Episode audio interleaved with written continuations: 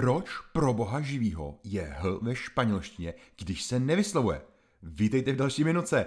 Já vím, vždycky říkám minutka, ono to je někdy 20 minut, jo, ale tentokrát budeme rychlejší.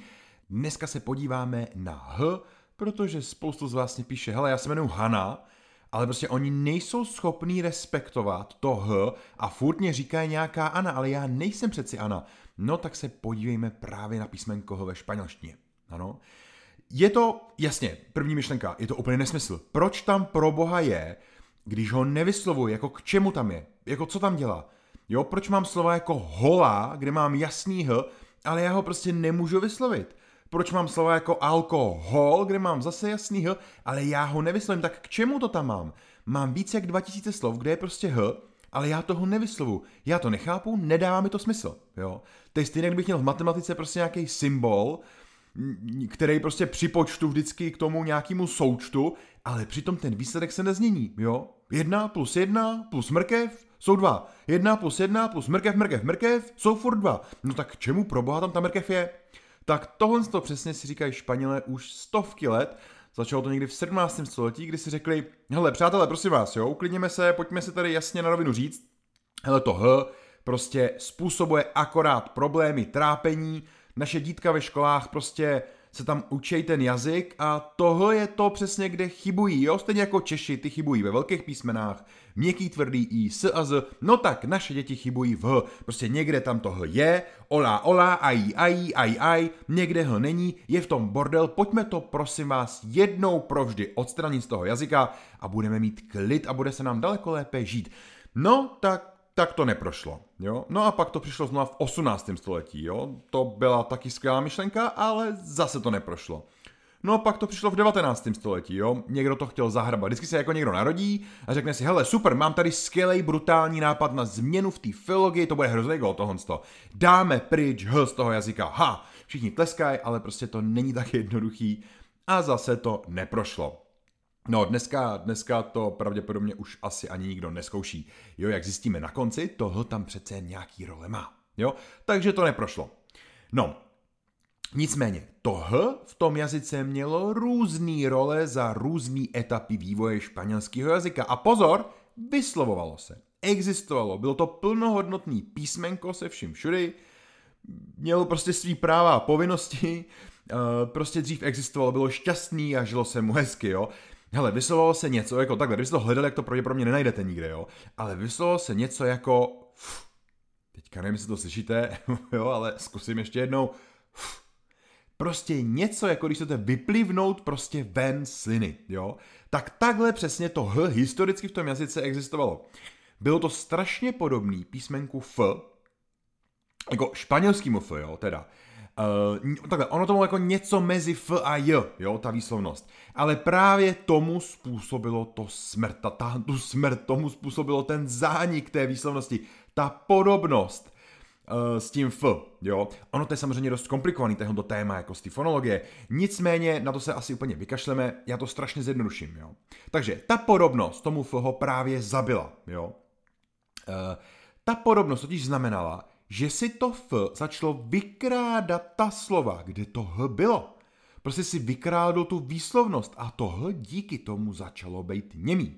Ano, slepý nikdy nebylo, jak vidíme, furt to v tom jazyce máme, nicméně němý začalo být a je do dneška. Dneska je to vlastně němé písmenko, my se to tak prostě učíme ve škole, vždycky, hele, prostě H se nevyslovuje, tady si napiš H, prostě, hele, holá má H na začátku, jo, ale nevyslovíme, je to jenom ola, nějak se s tím poradil, dělej s tím, co chceš, je mi to jedno, prostě to je hotovo, bum, čau, nazdar, jo. No, tak takhle to učíme, nicméně, uh, jako dřív to opravdu tam bylo a dřív to bylo z toho důvodu, uh, že prostě to existovalo toho, bylo to plnohodné písmenko, nicméně prostě to F nám vykrádl ta slova. Jo? Mimochodem, třeba slova jako aser, sloveso dělat, nepravidelné sloveso, či ho znáte, píšeme ho z H na začátku, tedy hacer, ano, ono se vyslovuje aser, ale čteme ho z H. E, dřív se psalo jako facer, s F na začátku, nebo humo, psáno tedy z H, vyslovujeme umo, se dřív psalo jako fumo, tedy s F, ano.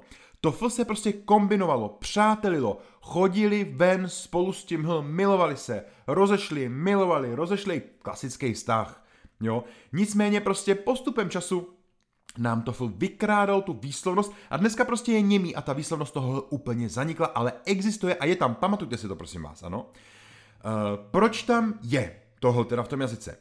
Máme takové tři základní role, proč tam vlastně tohle je ta první je ta nejdůležitější. Takhle, jestli si něco odníst, jo, tak hlavně tu první. A já myslím, že ji trošku znáte, protože jsme o to několikrát naráželi i na sociálních sítích, kdy jsme si ukazovali typické chyby ve španělštině. A i tady máme lekci, na online španělské cestě máme lekci, kde jsou chyby ve španělštině a tam se právě ukazuje jedna z těch typických chyb a to je právě to H. To H tam je v tom jazyce. A ono nám rozlišuje ty významy těch slov. Ano, to znamená, je rozdíl mezi slovem holá z h, kde toho máme, a je rozdíl mezi slovem oa bez h, kde toho není. Ano, to první je ahoj, znáte, a to druhé je vlna. Tady to je jeden z příkladů. Máme ají a ají. Jo, máme aja a aja. Ve spoustu případech, kde toho se objevuje, tak nám dělá to, že nám mění ten význam toho slova. A samozřejmě ten nápad sjednotit to tady byl, jo. Hele, pojďme se všichni prostě zdravit jenom tím olá, dejme pryč to h, bude to jednodušší, stejně to takhle dneska už někdo píše, tak ve finále proč ne? Prostě si všichni budeme říkat čau vlna, je ahoj vlna, čau vlna, ahoj. Jo, prostě pojďme si všichni zdravit slovem vlna. No, neprošlo to samozřejmě, prostě a ono by to u jiných případů pak bylo ještě brutálnější rozdíl a dramatický rozdíl by tam byl právě v tom významu, jo. Uh, takže nápad tady byl, ale bohužel neprošel. Takže tohle je jeden z těch důležitých prvních rolí, co to H nám v tom španělském jazyce hraje. Za druhé nám toho způsobuje to, že nám určovalo, co za ním vlastně následuje. Že tam bude nějaká samohláska, třeba ve slově uevo. Ano, máme H, U, E, V, O. To H nám způsobilo, že to následující písmenko nebude V, ale že to bude to U, protože U a V se historicky psalo velmi podobně, ono se psalo vlastně skoro stejně, mimochodem já ho třeba i do dneška píšu skoro stejně. Není to, že bych byl jako historik a prostě si zakládal na historickém psaní, ne, jenom píšu jako prase, jo, ale prostě Dřív to tak opravdu bylo. Dřív ta, ta, ten, ten vrchol toho v v psané podobě byl v podstatě jako velmi potlačen tím obloukovitým tvarem a vlastně to U a V bylo skoro stejný. A toho nám rozlišovalo, že to, co za ním následuje, bude samhláska, protože dvě souhlásky ve španělštině velmi netradiční je, který se vlastně skoro neobjevoval dříve, než tam vstoupila arabština, tak se neobjevoval vlastně skoro vůbec, jo? takže to nám toho pomohlo identifikovat.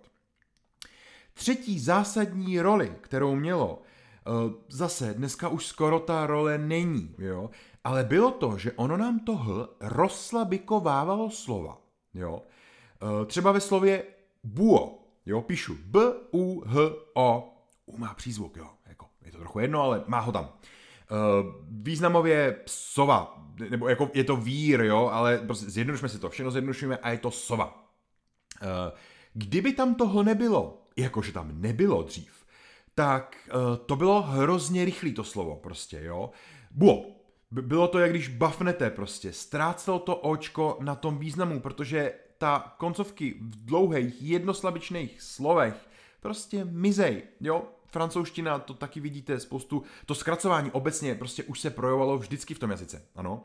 No tak tam narvali H a tím to rozslabikovali na dvě slabiky na bůho, no a tím ta rychlost se měla malinko snížit. Praxe je taková, že samozřejmě dneska to ty posluchači neslyší, nevnímají a hlavně to ty mluvčí ani už tak nerespektují. Takže jako, ne, nemluvím o praxi, jo, ale ta teorie taková byla. Dejme tam H do těch prostě uh, mnoho samohláskových slabik a uh, trošku si pomožme v tom jazyce. Ano, tak to bylo jakoby ten třetí důvod, nebo ta třetí role, která vznikla a je do dneška. Ano, to jsou tři zásadní role, které tohle má, proto ho nemůžeme úplně vyndat. Takhle, my samozřejmě můžeme vydat uh, v nových třeba slovech, ale problém je, že v těch starých to prostě rozpadne strašně moc tu, tu gramatiku a rozbije to několik prostě věcí, zásadních elementárních věcí v tom jazyce a proto to vlastně udělat úplně nemůžeme. Tak, pro nás hlavně to první je důležitý, neplést si ta slova, kde toho je a kde toho není, prosím vás, pište to správně, nebuďme prasátka, pišme to správně a prostě pěstujme tu krásu sice cizího jazyka našeho, nicméně stále krásného. Mějte se hezky, hasta luego!